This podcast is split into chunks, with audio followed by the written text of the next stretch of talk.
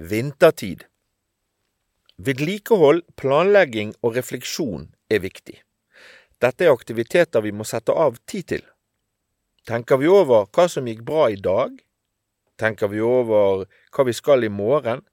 Hva vi kanskje kan gjøre litt bedre neste gang? For hundre år siden fantes ikke TV, ingen PC, ingen mobiltelefon, ja, det var i det hele tatt svært få som hadde elektrisitet. For bonden var det årstidene og døgnet som bestemte rytmen.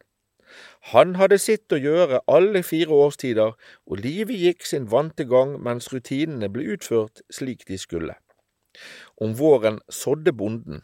Da var det ut på jordet og arbeide med plogen og såkornet. Tungt arbeid, men nødvendig for at det skulle bli noen avling til høsten.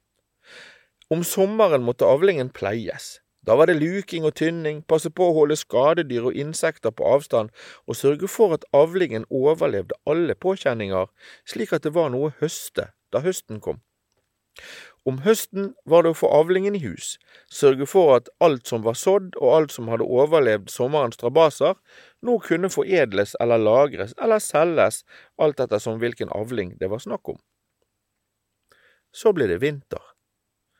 Hva gjorde bonden om vinteren? Jo, selv om tempoet gikk ned, var det tid for vedlikehold, planlegging og refleksjon. Hva hadde gått bra i året som gikk? Hva hadde ikke gått så bra? Hva var slitt og ødelagt og måtte repareres? Hva måtte forbedres og forberedes før bonden kunne gå og så igjen til våren? Ja, selv om det ikke så slik ut ved første øyekast, så inneholdt vinteren kanskje noen av de aller største utfordringene for bonden, og på bakgrunn av det som ble gjort om vinteren, så ble kanskje neste års avling enda bedre og rikere. Om vi bytter ut vår, sommer, høst og vinter med morgen, middag, kveld og natt, så blir det kanskje slik. Vi står opp om morgenen og starter våre plikter.